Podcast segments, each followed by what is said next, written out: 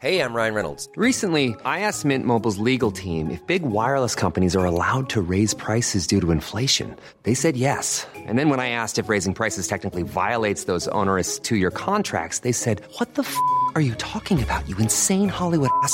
F- So to recap, we're cutting the price of Mint Unlimited from $30 a month to just $15 a month. Give it a try at mintmobile.com slash switch. $45 upfront for three months plus taxes and fees. Promo rate for new customers for limited time. Unlimited more than 40 gigabytes per month. Slows. Full terms at mintmobile.com.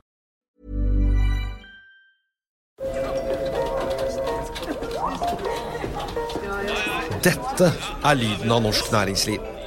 Akkurat nå tas det små og store valg som kan bli avgjørende for fremtiden. Med økonomisystemet X-Leger tas disse beslutningene basert på informasjon i sanntid, slik at drømmer og ambisjoner kan bli virkelighet. Få kontroll og oversikt, gå inn på xledger.no. Denne sendingen er sponset av Xleger.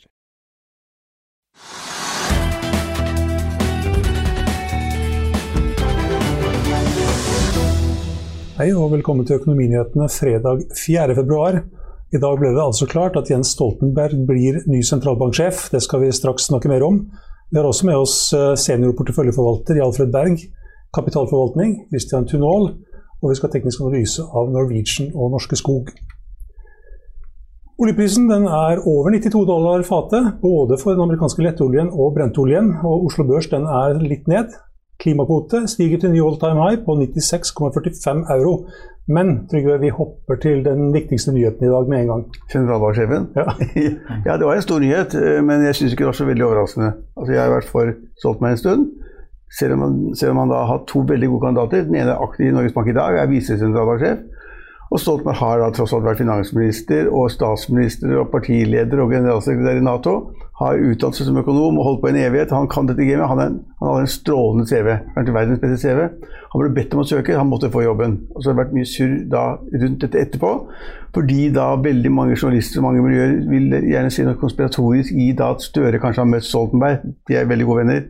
Eller at Knut Brundtland, da, altså sønnen av Gro Harlem Brundtland, har hatt en middag hjemme hvor da hvor da uh, Tangen har vært, eller Stoltenberg har vært altså, Det blir mye rot rundt i tingene der. Vi lager det rotete til. Uh, og jeg tror har, i dag har fått en veldig god uh, statsminister, nei, god, god sentralbanksjef. Jeg hørte han på, på pressekonferansen. Han sparte knallgodt, rolig, avbalansert. Gode svar hele tiden. Det, han var vel forberedt. Han visste liksom også da hvordan den norske opinionen kunne vri dette her. Så jeg ble faktisk overrasket over hvor, hvor godt han svarte.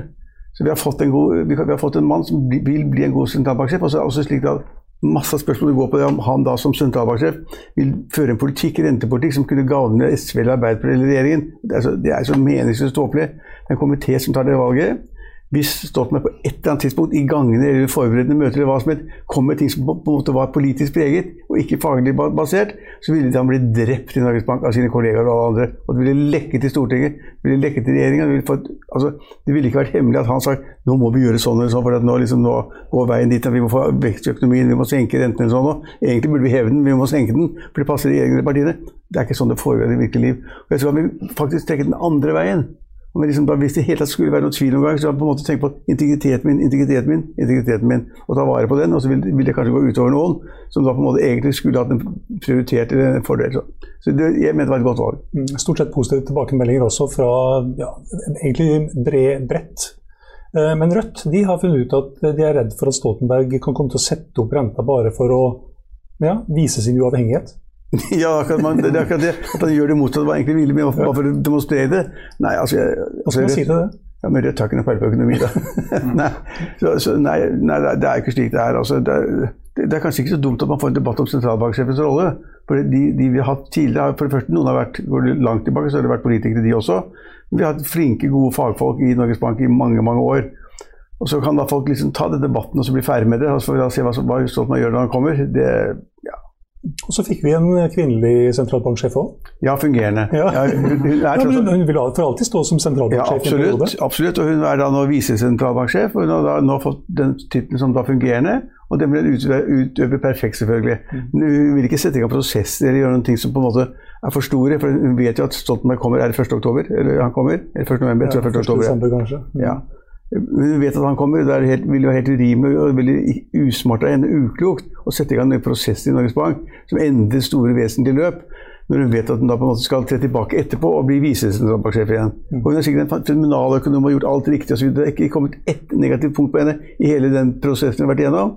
Eh, Men hun hadde da Stoltenberg mot seg. Og det, det, var, altså det, den, den, den, det løpet ville hun ikke vinne. Hun får kanskje bilde av seg på veggen når hun eh, er ferdig med å være fungerende. Ja, hvis de har det på veggen. Jeg har, jeg har bare vært i et, et, et møte med en av sjefene i Norges Bank en gang. Det var da visesentralbanksjefen for noen år siden. Jan Kvikstad. Han hadde kontor som jeg tror var 200 kvadratmeter. Jeg så ikke enden av kontoret.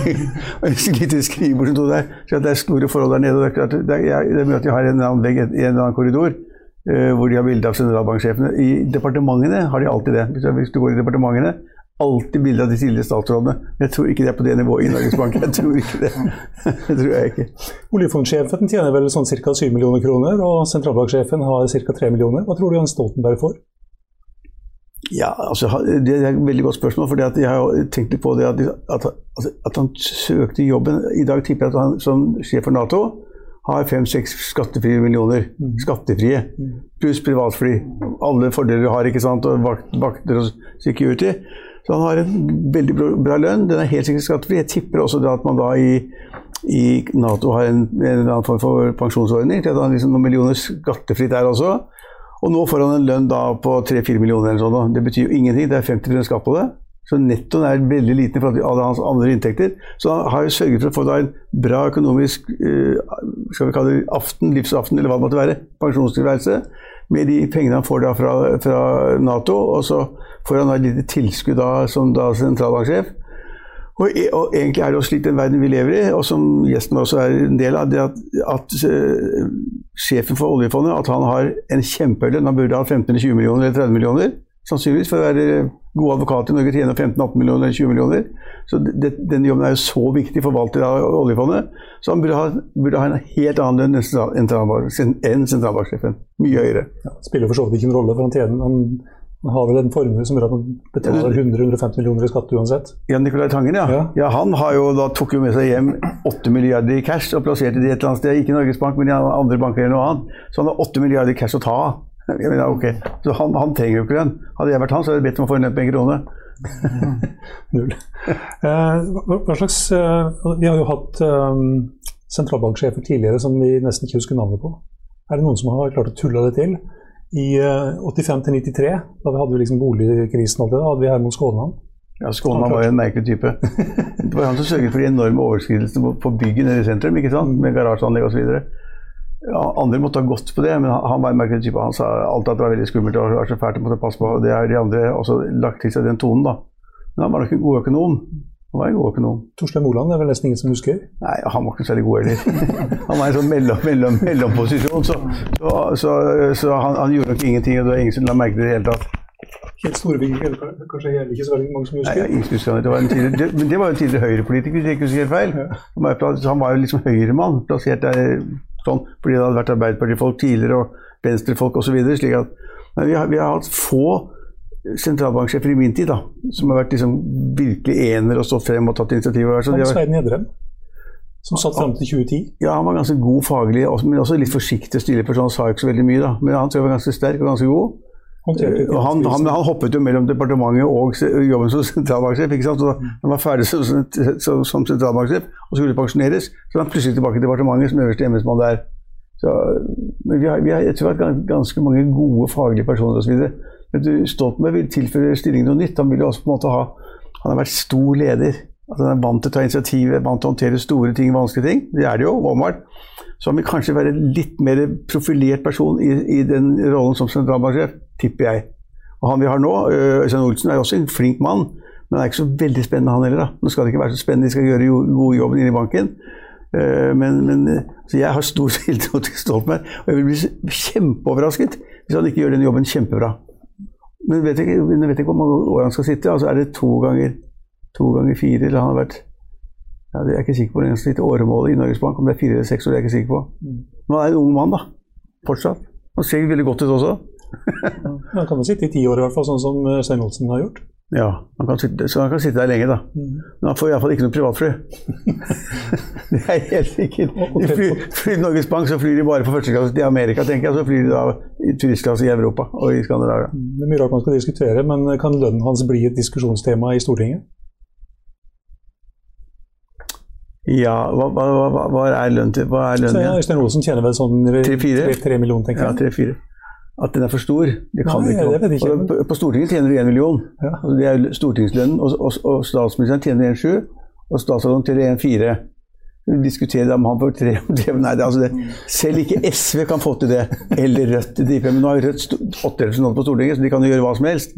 Men det, jeg kan, kan liksom ikke tenke meg at SV eller Rødt tar den veien. Det kan jeg ikke tenke meg. Og Senterpartiet er jo låst i regjeringen. Arbeiderpartiet er låst i regjeringen, og, og Høyre de tør ikke si noe, eller vil ikke si noe om det. Kristelig Folkeparti sier ingenting, og MDG sier ingenting. Nei, det tror jeg ikke det blir debatt om. Ok, Da kan vi være fornøyd med valget, da. Det kan jo være sentralbanksjef. Ja, det er veldig spennende, men det går et halvt år før han kommer, da. Og vi ser hva som skjer i mellomtiden. Og Du kan jo tenke deg at verden blir ganske urolig i mellomtiden. Det skal vi, kan vi snakke med Jesper også om. Det liksom, det er jo hva med renten, ikke sant, og hva med makrotallene, og hva med vekst osv. Og, og liksom krakk og. Det er mye rart som kan komme i den perioden før han kommer dit. da. Så det kan jo skje mye i verdensøkonomien som kan påvirke hans stilling. Kan han sitte ute og se det litt på avstand. Kanskje han blir sentralbanksjefen som satte opp renta. Mange ganger. Eh, det er jeg helt sikker på at han kommer til å gjøre. Men ikke han, men banken og rentekomiteen. Ja, gjøre. rentekomiteen. Mm. Ja, Oslo Børs. Hva skal vi trekke fram der som eh, det viktigste som har skjedd i dag? Vi var inne på oljeprisen, som er over 92 dollar fatet. Ja, jeg syns jo det er det viktigste som, skjer. Altså hvis man ser, Det er masse usikkerhet på makrosiden, enten det er rentesettingen eller, eller sysselsetting eller land og vekst osv. Men det er jo kjempespennende da, og ganske skummelt å se på at oljeprisen i dag er nesten 93 dollar per fat. Så nå er den høy. Og hvis den fortsetter i 100 dollar per fat, så spør liksom, hva skjer da i verden? Eh, Hvilken betydning har det? Men det eneste som er sikkert, er at Norge blir kjemperikt. Statskassen renner over av penger. Skatte, skattene som betales av oljeselskapene og oljeserviceselskapene øker også. Så altså, Norge AS tjener vanvittig på den oppgaven. Helt vanvittig. Vi aner ikke tallene engang. Og, og, og, og så er spørsmålet da, hvordan det forplanter seg til, til økonomien. Og det er klart at Olje og oljeservice har glede av det. Altså Ingen kan si at ikke de har glede av det. og det ser vi i dag. Tre, fire, fem, seks av vinnerne til noe, det er jo olje- og oljeserviceselskaper. Naturlig nok. Oljepris 93 dollar. Kanskje den går til 97 i morgen, eller hva vet jeg, men den går iallfall oppover hver dag. Det påvirker norsk økonomi kraftig. Og det påvirker da hva man bør investere i, hvordan man skal gjøre det osv. Så, videre. og da blir liksom de, så, så får vi sjokken av de selskapene som har fall 50% og 70% til 30% som er sjokk. Men de blir helt glemt når oljeprisen går så mye, for at det gir vekst i PGS, det gir vekst i DNO, det gir vekst til, til Equinor, det gir vekst i Aker BP. Det, liksom, det renner over av penger i en hel sektor. PGS opp 30 Ja, men da har de meldt om en ordre, da. Det er rykter altså. hvert Og fall. så- om og at har er fått sel- ja, men selskapet er jo nesten konk. De skal, det bør jo avvikles. Stor, stor gjeld, stor gjeld, store tap. Så sender de ut en melding med en ordre, og så går det rett opp. Ja, men det er, jeg mener at det er oljeprisen som er det helt avgjørende nå. Altså det, det, er, eh, det slår inn i så mange sektorer, og det er så viktig at det, det er det som driver markedet. Hadde vi ikke hatt, en- hadde vi ikke hatt den oppgangen, så tipper jeg at øh, altså, så, Hvis du fulgte du børsen i går kveld i Amerika Nasdaq var ned 3,75% 3,75% Det er liksom vekstakser og fremtid osv. Banga ned. Det burde forplante seg til Norge også, men det gjør ikke det, for, olje, for olje, oljeprisen stiger så mye. Mm, Det skal vi snakke mer om om litt. Vi kan også ta med at Solstad Offshore, uh, supply-rederiet til Røkke og Fredriksen, er det vel? Fredriksen jeg er ute. Han er ute, ja. Altså, det, Solstad er jo en sånn samling av konkurskandidater. Altså, det var fire-fem selskaper som alle var konk. I realiteten, Hvis man så på de bokførte verdiene, så var de konk. Og så fant man ut at det kan man ikke drive med lenger. Og så la man sammen Solstad og et par andre og Røkke og Fredriksen og lagde et nytt rederi som heter Solstad.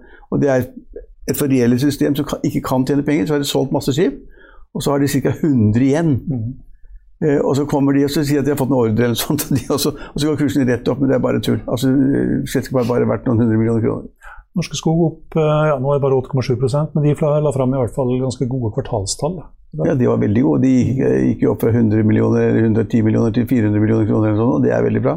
Og Prisene på visse papirprodukter går opp. Sikkert for oss også, vi som driver finansavis. Papirprisene er opp. Så jeg har visst det i mange måneder at, at, at de vil tjene mer penger. Ellers kan vi ta med at eh, siden vi var inne på det som skjedde på børsene i USA i går, så er eh, futures de peker eh, litt opp for Nasdaq, men ikke mer enn 0,5% Så er det flatt for den brede SMP 500-indeksen. Mm, så det store spørsmålet, kanskje Jesen kan svare på det, men altså hvor lenge kan vi leve i den verden hvor liksom utenlandske børser som er sentrale, faller, faller med 1, 2 og 3% Det er mye. Og gjør det over mange dager etter hverandre. Hvor lenge kan det fortsette da i Norge? Uh, altså Hvis vi ikke hadde hatt den oljeprisen, da? Hvor lenge kan de holde, hvor lenge kan de holde på? Også et spørsmål vi kan stille gjesten vår. Hva? Også et spørsmål vi kan stille gjesten vår etterpå. Ja, ja. Eh, Åshild Tveitereid han fant ut at det var smart å shorte Aker Horizons etter at aksjen hadde falt 60% og den har fortsatt ned. Altså, han er en tøffing. Jeg må, jeg må si Flink og god, analytisk og gjør sine egne ting og vandrer i marken. Og, altså, altså, han er god, at han tør å gå ut og si at nå shorter jeg alle disse røkkeselskapene. Det, er også, det, det skal Norge litt mot for å gjøre det. Det er mange som blir kjempesure, de som da sitter i aksjene og håper at det går opp. Og så sier han at han skal shorte den. Altså, det er ingen som liker det til frokostbordet. Shorte den? Skal han shorte de, de aksjene kjøpte jeg forrige uke? Altså, han er modig og god, og så har han da faktisk hatt suksess i det siste med å shorte aksjer. Og det er jo etter min mening også da ofte nå lettere å finne frem til de aksjene som skal ned. Vi snakket jo i lang, lang tid om om, om Nell, og vi snakket om Autostore, og vi snakket om ja, Tomra. Mm. Selskaper som var høyt, høyt pris, som skal ned, og de har gått ned.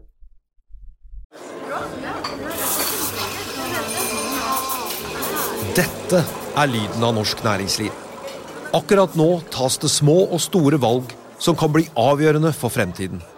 Med økonomisystemet X-Leger tas disse beslutningene basert på informasjon i sanntid, slik at drømmer og ambisjoner kan bli virkelighet. Få kontroll og oversikt. Gå inn på xledger.no. Denne episoden er sponset av van Brun, en fremtredende smykkeforhandler kjent for sitt brede utvalg av forlovelsesringer, gifteringer og diamantsmykker som bæres og elskes i generasjoner. Et frieri er en av de største øyeblikkene i livet, hvor forlovelsesringen er et tidløst symbol på kjærligheten. Valg av ring krever omtanke for både hvilket metall og diamant. Med et bredt spekter av både naturlige og labdyrkede diamanter, og metaller som platina, gult gull, hvitt gull og roségull, hjelper de deg med å sette et personlig preg på din kjærlighetshistorie. Van Brun vil gjerne invitere deg til å prøve på tre av dine favorittringer fra nettsiden helt kostnadsfritt. Du kan også låne et bredt spekter av frieriringer, slik at du og din forlovede kan velge en ring sammen etter det store ja. Van Brun tilbyr 90 dagers åpent kjøp og 90 dagers gratis størrelsesjustering. Utforsk deres eksklusive sortiment i luksuriøse omgivelser. Bok en konsultasjon sammen med en diamantekspert i deres showroom i Oslo. Eller online på vanbrun.com. V-a-n-b-r-u-u-n.com. Og Åshild Tveitvedt skal tro da at Aker Horizon skal videre ned. Røkke er sikkert ikke særlig happy for eh, forsida på Finansavisen i dag. Smaker litt i veggen, tenker jeg. Den leker ikke. Det er markedene. Vi må fortelle om markedene, da. Ja. Når han sier at vi skal shorte dem, så må vi fortelle om det. Vi kan ikke si blir Røkke sur til frokost. Det kan vi kan, kan, kan, kan, ikke, kan ikke ta bry oss om det heller. Kan ikke. Før vi går videre i sendingen, husk at du også kan se sendingene våre ved å gå inn på fano-tv, og at vi også har andre podkaster enn bare Økonominyhetene, som Morgenkaffen, Gründerpodkasten Veien hit, Ukens vintips, Kunstpraten og bilpodkasten Mil etter mil. De finner du ved å søke Finansavisen, der du hører på podkast. Da har vi med oss eh, seniorforvalter, senior kapitalforvalter i eh, Alfred Berg kapitalforvaltning. Kristian Tunholm, velkommen tilbake. Takk. Hvordan uh, vurderer du utnevnelsen av Jens Stoltenberg som sentralbanksjef? Har det noe å si for aksjemarkedet?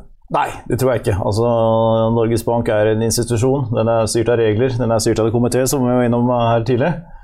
Og det var to sterke kandidater med litt forskjellig profil. Og så var det én som fikk jobben. Mm. Det hadde funka med begge. Ja. Har ikke hatt noe å si. Nei, altså Norges Bank er fremdeles godt ledet. Det er fremdeles klare regler på hva de skal gjøre. Det er fremdeles en komité som setter renten, og det kommer til å fortsette. Mm. Som Trygve var inne på her, så ser det litt sånn, litt sånn mer ruskete ut fremover. Hvordan er ditt markedssyn nå når vi går inn i en periode vi har høy inflasjon og vi forventer flere rentehevinger fremover? Hvordan er synet? Faktisk så er fundamentalen relativt god. og eh, Det sier jeg fordi at det er en ganske bra inntjeningsvekst i selskapene. Det er selvfølgelig bra i Norge med den oljeprisen vi har nå, men det er bra i Europa, det er bra i USA, det er bra på verdensindeksen. Vi ser at det faktisk er en inntjeningsvekst ganske rund baut de aller fleste steder. Og eh, så langt så har også rapporteringssesongen for fjerde kvartal, særlig i USA, som er kommet lengst, den har vært eh, god. Det har vært en klar eh, overvekt av selskaper som har slått forventningene på topplinja. Og det har vært en enda større uh, slå, ja, i forhold til forventningene på earnings. Så resultatene så langt har faktisk styrket vår tro på at fundamentalen er ganske god for selskapene. Og det er totalt selskapsinntjeningen som er det viktigste for børsen. Så er vi i den situasjonen at uh, vi har hatt fallende renter jeg vet ikke hvor lenge, og da virkelig de siste par årene etter at pandemien kom. Og det er strengt tatt, som noen har sagt tidligere også, det er et sykdomstegn. Altså Renter som er negative, det er et sykdomstegn. Det er egentlig ikke bra. Og etter hvert som økonomien også har kommet litt tilbake, de rentene skal opp. De skal opp i USA, de skal opp i Norge, de skal opp til aller fleste steder i litt ulikt tempo. Og uh, investorer er rett og slett nervøse. Hvilke konsekvenser får det? Og det er den nervøsiteten vi ser nå. Altså Den underliggende fundamentalen den er egentlig ganske god, men uh, vi er i en situasjon hvor altså, flere års renteheving skal reverseres. Og det er helt naturlig at investormarkedet er litt nervøst. Det kommer til å få konsekvenser. Vi vet ikke helt hvilke. Hvilke, hvilke rokeringer gjør dere når dere ser det her som kommer? Nei, Vi prøver å spørre oss selv hvilke selskaper er det som overlever en periode med, eller gjør det best i en periode med renteøkninger, og hvilke får problemer. Og Standardsvaret som vi har, og som sikkert veldig mange andre har også, det er at de som gjør det bra, er selvfølgelig de som ikke er helt uble priset. Og Dere var jo inne på innledningen om at uh, SMP, Nasdaq var jo ganske kraftig ned i går senest. 3,5% de er type 3,75. 3,75. Det er type selskaper med, som er veldig høyt priset, og du ligger uh, veldig mye priset på forventninger om inntjening som skal komme veldig langt frem i tid. De er, den type selskaper er veldig følsomme for renteøkning. De som er minst følsomme for renteøkninger, det er uh, de som har god inntjening nå i dag, i disse dager, her og nå. Og en sektor som bank, f.eks., bank og forsikring, de tjener jo faktisk på renteøkning. Så ja, som du jeg prøver å bygge opp under her. Vi har en overvekt av bank og finans. Det har vi. Og vi har helt klart vært forsiktige med selskaper som, ja, hvor det er bygget veldig mye forventninger inn i kursen da, om inntjening som skal, kanskje kommer en gang i fremtiden. Mm, og kanskje er nøkkelord her. Mm. Ja. Nei, er det sparebanker du har? I våre norske fond så har vi en god del sparebanker. Men hvorfor er, altså Alle flinke finansfolk har sparebanker. Ja, ingen andre som skjønner noe av det. Finans, ja, det er noe som systematisk har samlet opp sparebanker. Pareto, Svein Støle osv. Og, ja. og mange andre også, faktisk. De, men, men liksom markedet for øvrig har ikke fått det med seg. Nei, du kan så si. Og uh, Hvis du tar en kikk på avkastningen på Sparebanken de siste 20 åra, så er den slett ikke verst. Og uh, det er jo til viss grad uh, små, altså i, i gåsehudene, da, nisjebanker med veldig sterk lokal forankring. Og Mye av det som har skjedd de siste årene, er jo at de store bankene har trukket seg litt tilbake fra småstedene og satset mer på storbyene. Så den lokale markedsposisjonen den er om noe blitt enda sterkere de siste årene. Og det som kan true dette her på sikt, det er selvfølgelig nett. Nettbanker. Mm. Mm. Men uh, pussig nok, til uh, kanskje de, noens overraskelse, så er det lite så, som nettbanken har ødelagt for de, de lokale markedsposisjonen foreløpig. Så kanskje det er de lokale, de, de lokale sparebankene som hvor banksjefen kjenner bøndene og kjenner industribedriftene gjør kanskje ikke noe særlig feil? Finansavisen har hatt noen historier om kanskje kjenner hverandre litt for godt til tider. Det er en, ja, ja, men jeg tror de andre kanskje er litt mer seriøse. Men det er jo sånn, sånn kjent ordtak her, altså kirketårnsprinsippet. Altså, man gjør det best når man ikke låner til noen som er utenfor sikten fra kirketårnet. Og det er noe i det. altså. altså mm. Man kjenner sine kunder, man kjenner sitt marked, og det er tydelig at uh, den modellen den funker. For avkastningen over tid har vært god. Jeg har en god venn nede i Kragerø-området som, som, da etter en lang karriere i shipping ble banksjef i Drangedal Sparebank. Okay. Der tror jeg ikke det var mye tap, altså. Litt annen verden enn shipping. Frister det å bli banksjef? ja, ja, men altså, ja. ja. Det, det snakkes mye om verdiaksjer versus vekst, vekstaksjer, og at man skal sitte med verdi og ikke så mye vekst, kanskje. Men er det sort-hvitt? Nei, overhodet ikke. Og uh, det er litt farlig å, være altfor kategorisk på dette her med vekst versus verdi. Mm. For det finnes jo vekstaksjer som også har god verdi. Mm. Og det finnes masse såkalte verdiaksjer som egentlig ikke har så mye verdi i det hele tatt. Så vi er litt forsiktige med å dele sånn altfor slavisk inn i disse kategoriene her. Mm. Det finnes mye gode vekstaksjer, mange dårlige billigaksjer også. Men, men, det er, et skille mellom vekstaksjer og verdiaksjer? Ja, og eh, si, det som er skillet her, det er vel kanskje i hvilken grad er det priset på forventninger om et eller annet skal skje i fremtiden, og i forhold til i hvilken grad er det priset på hva de tjener her og nå. Og eh, når renten stiger, så er det en fordel for de selskapene som tjener penger her og nå. Helt klart. Det er det. Du nevnte bank og finans. Er det andre sektorer som du liker? Ja, altså vi har eh, helt klart en overvekt på energi og olje. Eh, Man kommer ikke utenom Equinor på en oljepris på et par og 90 dollar. Altså det, og eh, nå er det faktisk litt spennende om dagen, for det kommer en eh, plassering på Oslo Børs som, innenfor oljesegmentet, som også har vært skrevet om i Finansavisen og andre steder. Så det blir spennende å se.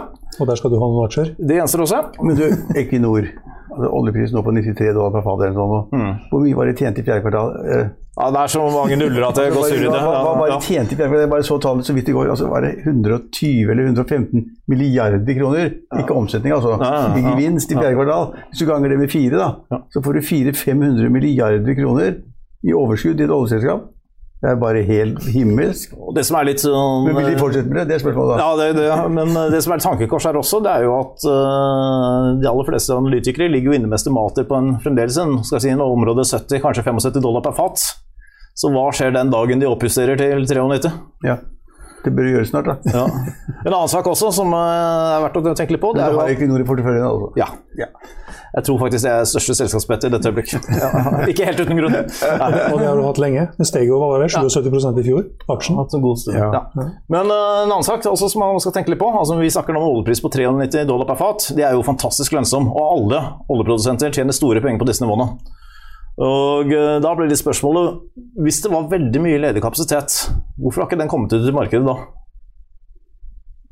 Av oljen. Ja, Men det er ikke så veldig mye ledig kapasitet, da. Det er, store, altså det er lagertrekk, og det er liten kapasitet. og det er før vi får en åpning, gjenåpning av økonomien. da. Ja. Ja. Så, um, Så du tror prisen skal opp over 100 Det er lett å lage en eh, såkalt bull-story for oljeprisen nå. Det, det er ganske lett, absolutt. Ja. Eh, 93 dollar per fat, mens uh, store deler av vestlig verden, og Kina ikke minst, er gjenstengt. Men OPEC skulle øke produksjonen, men de gjør jo ikke. Altså OPECs compliance med kuttene er nå over 120 Hvilket betyr Hvilket betyr at eh, de produserer mindre enn det kvoten deres tilsier. Nettopp. Og dette er en organisasjon som historisk ikke har vært kjent for sin veldig gode disiplin og lojalitet til hverandre. Så, Så da vil de ikke produsere mer, da? Det går an å finne argumenter for at eh, den ledige produksjonskapasiteten kanskje ikke er så høy som eh, det de sier. da. Da vil vi kanskje ikke det blir så mye oljefrakt med tanke på at det heller? det er ikke- ikke helt, ikke helt urimelig, nei. nei. Nei, tenkte liksom- Da sitter vi litt og spekulerer, men det er lov, det. Ja, ja, hvis, ikke skal liksom, hvis, hvis ikke da OPEC en gang skal bruke sine kvoter til å produsere, så blir det ikke så veldig mye annen produksjon å selge etter hvert, da. Nei, så Ja, det blir spennende tider. Det er, altså, det er interessante scenarioer det går an å trekke uten å være helt eh, urealistisk. En del av shippingrederiene, eller shippingaksjene, har gått som ja, kuler. Ja. Er det, Fortsetter det sånn, eller hvordan ser du på det? Ja, altså Shipping er veldig diversifisert. og... eh, Tank er elendig, det vet vi jo. Ja, og, men eh, hvis vi tar faktisk det som tross alt er Nordens eh, største rederi, så er det Mersk. Det er containere, eh, dansk rederi. Eh, Det har eh, gått så det dundret i lang tid. Og eh, containerratene er høyeste det har vært i, ja, som jeg har funnet i noen statistikk iallfall. Men de fortsetter å stige. Og Men gikk det i fjor i 400 eller noe? ja, vi snakker om noe områder der.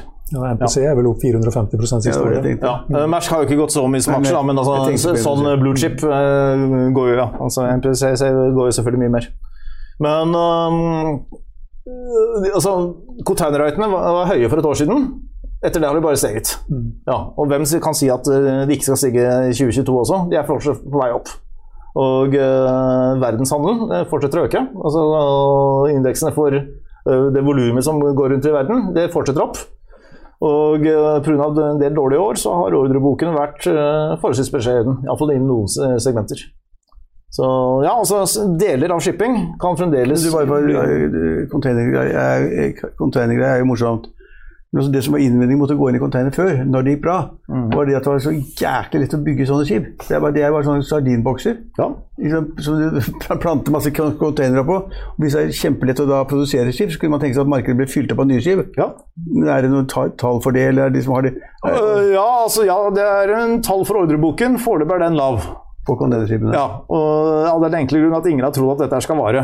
Litt fordi at uh, grunnen til at vi er der vi er, er jo denne pandemien.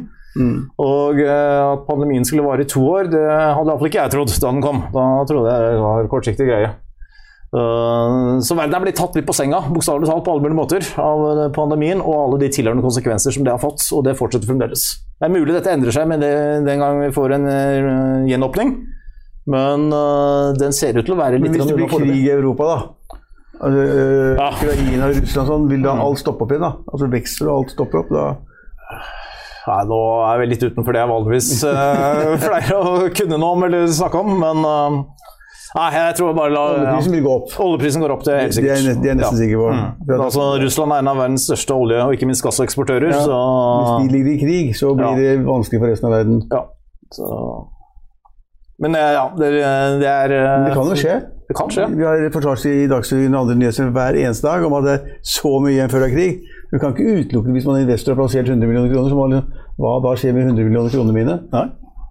dere, dere, dere bryr dere kanskje ikke om det når dere rådgir? Jo, vi gjør definitivt det, men uh, det er ikke vårt hovedscenario, da. Vi må få lov til å si det. Ja, ja.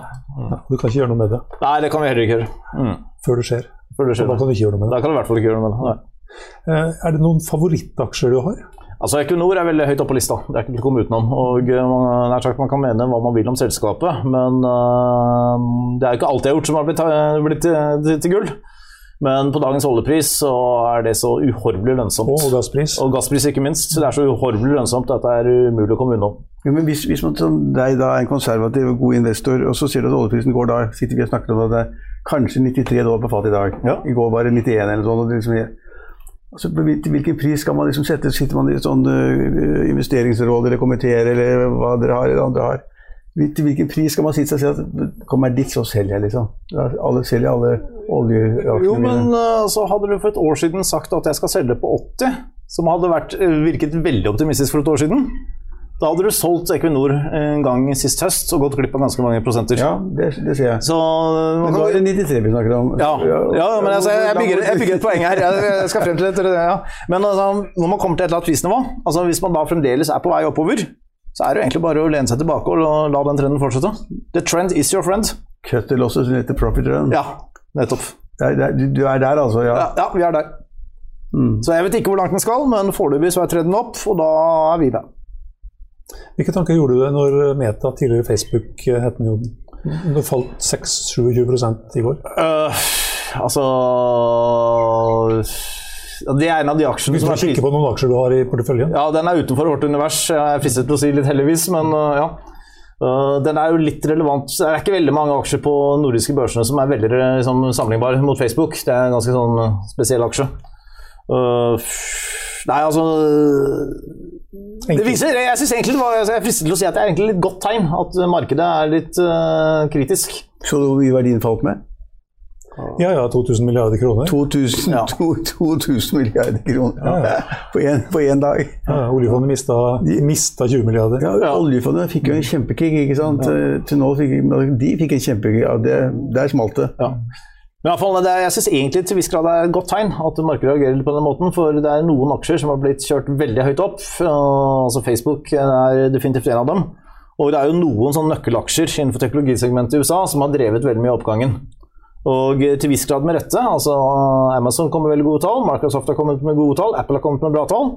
Og så er det en som ikke kommer med bra tall, og ikke minst hvor litt av forretningsmodellen er truet. For altså, Facebooks forretningsmodell er å selge brukeropplysninger.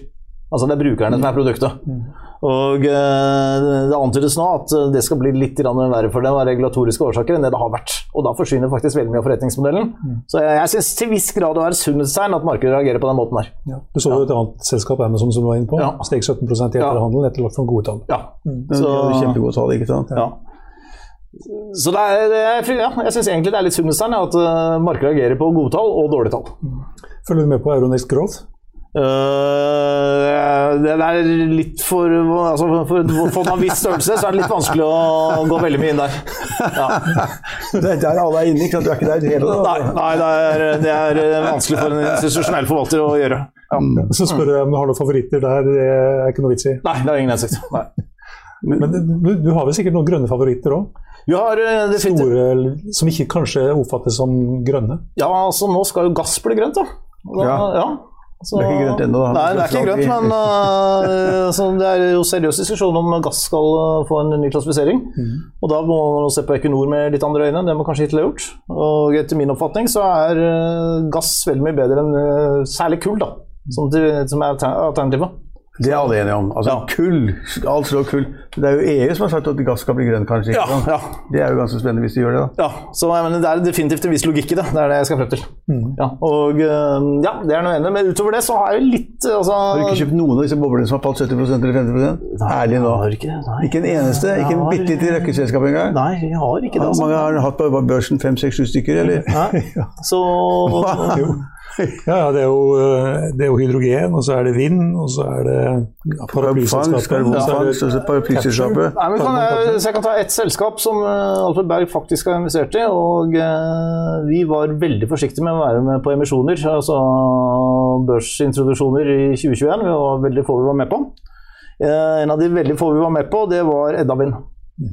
Som faktisk har et konsept gående, og som har bestilt skip, og som har en god organisasjon med solide eiere. Industrielle eiere. Så Den har klart seg ganske bra. Øh, Ja, altså det er litt urettferdig å bedømme aksjen. Det er ganske kort tid det har vært på børs. Det har vært en uh, turbulent periode. Det er ikke veldig kvidd aksje, men uh, ja. Den har Hva er Produserer sånne flytende Nei, de har rett og da, som skal til for å bygge vindparker. Ja, altså, Ja, og vedlikeholde. For å bygge vindparkene, de Ja. flytende vindparkene? Ja. Ja. Så, så det er en av dem, et eksempel på en grønn aksje som vi faktisk mener det er litt verdi. Og øh, det har vært lettere faktisk å fylle ut den andre siden, øh, grønne aksjer, hvor det er litt verre å finne verdi. Men hva med Skatec, da?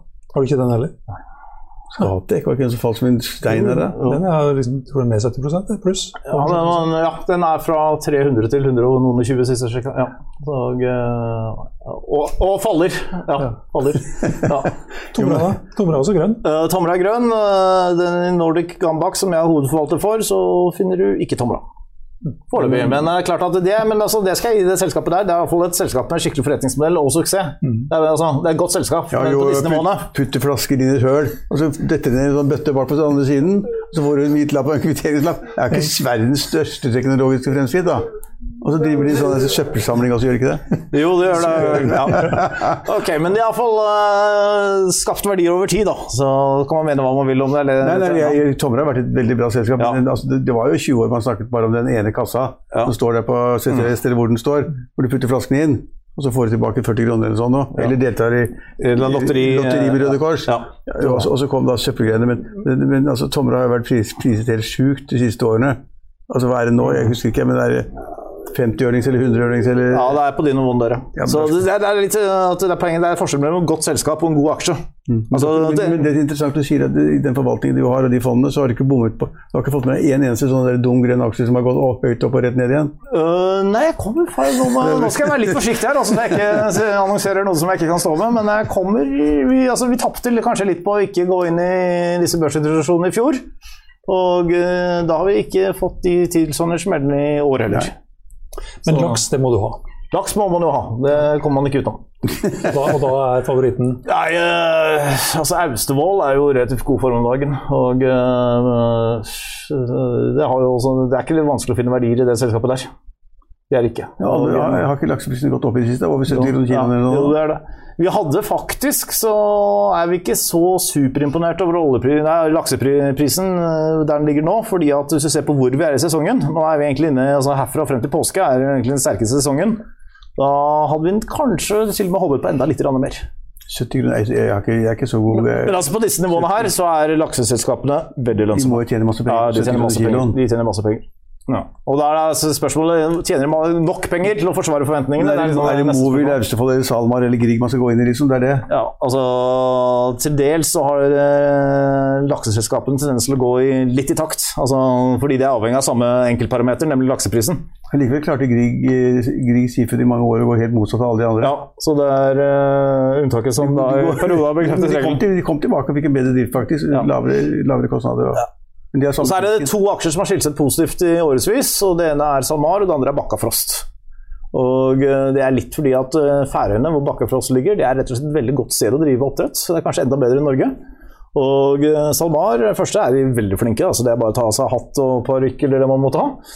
Og eh, så er Midt-Norge vært et veldig godt sted å drive oppdrett. Altså Kombinasjonen av eh, strøm, temperatur, eh, forurensning. Altså fra, Der har du ett selskap eller to selskaper? Det er, det er SalMar som er den store, da. Den store, ja. Ja. Men du, mens vi har det da, oppdrett på land Det har vært noen borti Miami og Ja.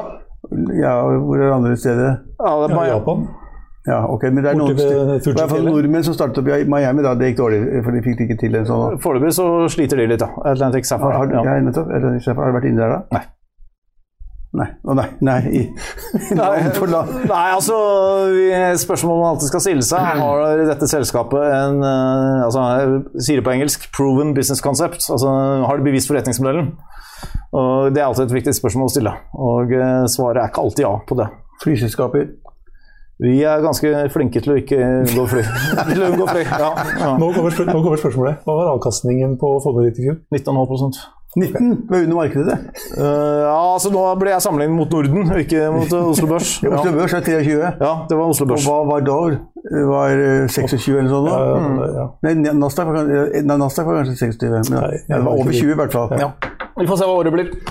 Bare 17, ja? 19,5. 19,5 altså, okay. 1900-tallet. Ja, 1900, ja. ja, men det er jo bra hvis man har forvalter, det Det er jeg enig i faktisk. Men det var jo markedet som tok så veldig av. Da, så. Ja, men eh, Nå nevner du avkastning i Norge, og eh, jeg jobber hovedsakelig med et nordisk fond. Hvor, hvor stort er fondet? Uh, Ca. 800 mill. i dette øyeblikk. 800, det er ikke mer, altså? Nei, jeg syns ikke det er så gærent. Nei, det er ikke så verst. Ja. Men eh, det er, vi har flere fond. Og Hvor mye har Kistner? Ja, det er et godt spørsmål. Et par hundre? Nei, har han milliarder? Jeg lurer på kanskje var opp sånn i 300 pluss. jeg. Ikke mer heller. Ja. Ja, men hvis vi tar uh, hvis du gjør det godt hele tiden, så vil det jo øke fra 800 til uh... Vi vil tro det. Vi håper det. Så det har ikke steget så langt i år, altså, det kan jeg si. Altså, Hittil i år er det kanskje bare minus 2 eller minus 3 eller minus 4? Uh, hittil i år så altså nordiske børsen er ned uh, mye i året. sånn 8,5 da jeg gikk fra PC en dag tidlig, eller i formiddag. Og fondet er vel ned uh, halvannen prosent uh, mindre enn det, da. Okay. leter du da i Sverige også i dag? Ja, ja altså Sverige er jo halvparten av det nordiske markedet. Så skal man drive et nordisk fond, så må man uh, Og hvor er det lettest å finne de gode aksjene og regne på å finne ut at dette vi kjøpe? Sverige Norge? Det kommer helt an på hvor vi er i sykelen. og det er En av grunnene til at vi syns uh, Norden er et veldig spennende investeringsområde, det er at det er ekstremt stor forskjell på de nordiske landene i form av uh, næringslivssammensetning. Altså I Norge så har vi en ekstrem overvekt på sjømat og olje. Og i Sverige så er suverent største sektor industri, med de tradisjonelle svenske industriselskapene. Uh, De er også relativt store på eiendom, som er en sektor som du, Eiendom du finner jo ikke uh, investerbare eiendomsaksjer på Oslo Børs. Uh, Og så går du til Danmark, og da er største sektor helse, med Novo Nordisk i spissen. Så det er veldig stor forskjell på de nordiske landene. Og det betyr også at hvilke av disse landene man ønsker velger å være mest investert i, avhenger veldig av hvilken sektor som er mest attraktiv til hvilket som helst tidspunkt. Så nå som olje, da begynner det å bli uh, veldig interessant, så er vi nok en overvekt på Norge i forhold til uh, si, vektingen. Det var ikke tilfellet for et år siden. Men det krever at du skal være god både på Norge, Danmark og Sverige, da. Ja. Det er strengt tatt, ja. Det er litt krevende, ja. Ja, ja, eh, nå er jo ikke alle som ligger på en enkeltperson, og vi har jo et- et nordisk team som vi trekker på. Mm. Så når vi har våre porteføljemøter for eh, de nordiske porteføljene, så sitter vi med representanter både i Stockholm og Helsinki i tillegg til Oslo. Så vi kan trekke på lokal ekspertise. Så, så absolutt, ja, hadde det vært en, en person som skulle kjøre sånn show, det hadde vært litt trøbbel. Det, det hadde- Men det er ikke. Nei, det, det tror jeg ikke du hadde klart, faktisk. Nei, nei. Altså, selv vi som sitter her, sånn, er, vi følger veldig lite med på svenske ting, liksom. Og det er egentlig litt synd, fordi at uh, hvis vi tar de siste 15 åra, så har avkastningen på den nordiske indeksen vært klart bedre enn avkastning på den rent norske. Og i og med at også diversifiseringen er mye bedre, så får du også mindre fluktasjoner. Så det Jeg, jeg har inntrykk om det er kanskje helt feil, for jeg har aldri eh, gjort noe mer ut av det, men eh, sånne investorer som Betalen og Fredelig og Blystad og Bolleberg og disse her, liksom, som- de, som er rundt, de er liksom alltid norske aksjer. Kanskje fordi det er de, man, det er De det er de dere sjekker? Det er de de kan best, da. Ja, det er sikkert også det. Så ja. Ja. Helt til slutt, Christian. Én aksje. En aksje som du vil eie sjøl, og som du kanskje ville tipsa din beste venn om at denne her må du kjøpe. ja, altså i dette øyeblikk så hadde jeg sagt Equinor, faktisk. Mm. Har du noen Equinor, da? Uh, Er, er, du fondet, er du fondet ditt? Ja, jeg har investert i fondet. Har du? Ja, selvsagt. Er for det er det siste skryter som veldig av. Han, han, han, han, han sikter seg inn mot kanskje dine kunder også. Ja. Men han sier at vi har jo vært med alle våre penger i fondet hele tiden. Det er klart, det er jo, det er jo godt å høre, da. Men, han- Ja, noe annet hadde vært men han fikk jo ikke mer enn 6-7 i fjor, da gjorde han det? Ja, det utfordrer meg på de tallene nå. Nei, men jeg, tror, jeg, tror, jeg tror det var veldig svake i fjor, i forhold til det norske markedet, selvfølgelig. Det var jo Ja, ja. eksepsjonelt. Men det stemmer, at han ble arrestert på at eh, det ikke var så bra som hovedindeksen. Ja, men altså, Man må jo se i forhold til eh, det mandatet man har og den stilen man har. Så, Men det er. Equinor med oljepris 93 dollar på fat i dag, som du Ja, det er eh, Skal jeg plukke én, så er det den jeg tar. Hva? Ja, skal jeg plukke én, Så er det den. Ja. Det våre seere hørte. Det. også. Det er bra. Tusen takk for at du eh, var med oss eh, igjen, Christian. Bare hyggelig. Vi kan også ta med at Pareto har oppgradert Nordic Semiconductor til kjøp med kursmål på 330 kroner. Aksjen falt 5,1 i går og har vært ned eh, stort sett 3% i hele dag, til 249 kroner. RBC Capital mener Nell-aksjen fremdeles kan gjøre det bedre enn markedet, men tar ned kursmålet fra 24 til 22 kroner. I går falt aksjen 6,2% til 11,83 kroner øre. I dag er den opp i overkant av eh, 5% sist vi så på den. Vi Kan se om vi får en oppdatering på det her. Nell er opp 5,5% til 12,48 kroner. Carnegie de opprettholder kjøp på Yara, men tar ned kursmålet fra 520, nei, men, unnskyld, øker kursmålet fra 520 til 550 kroner, og aksjen er opp 0,6% til 469 kroner nå. Vi kan også ta med at Alpha Value pirker opp kursmålet på Norsk Hydro fra 77,90 til 78,60 kroner og 60 øre. Aksjen steg en knapp prosent i går til 70 kroner og 10 øre. I dag er aksjen opp 0,8 til 70 kroner og 68 øre akkurat nå. ABG Sundal opprettholder kjøp på Skatec, men senker kursmålet fra 180 til 165 kroner. I går så falt aksjen 8 til 121 kroner og 15 øre. I dag er den eh, ned nye 3,6% til 116 kroner og 80 øre. En annen eh, analytikerfavoritt, Tomra, den, eh, skal vi se om vi finner denne farten, den er ned 2,5% til 429 kroner og 50 øre. I Finansavisen i morgen, lørdag, så får du alt om utnevnelsen av den nye sentralbanksjefen. Hvem som har tapt mest på aksjene som har falt mest, falt over 50% på Euronext Growth. Vi får et portrettintervju med Tonje Wikstrøm Friisli i Flyr. Eh, Og vi har også en rapportasje fra den kommunen i Norge, en kommune i Norge med 9000 innbyggere og milliardbedrifter på rekke og rad.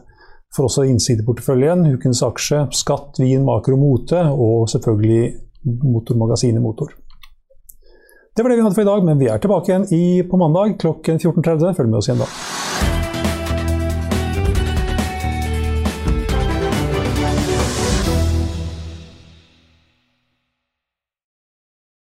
Denne sendingen er sponset av Xleger. Økonominyhetene er en podkast og videoproduksjon fra Finansavisen. Programleder er Marius Lorentzen. Aksjekommentator er Karl Johan Molnes. Produsent er Bashar Johar. Podkast- og videoansvarlig er Marius Mørk Larsen. Og ansvarlig redaktør er Trygve Hegnar.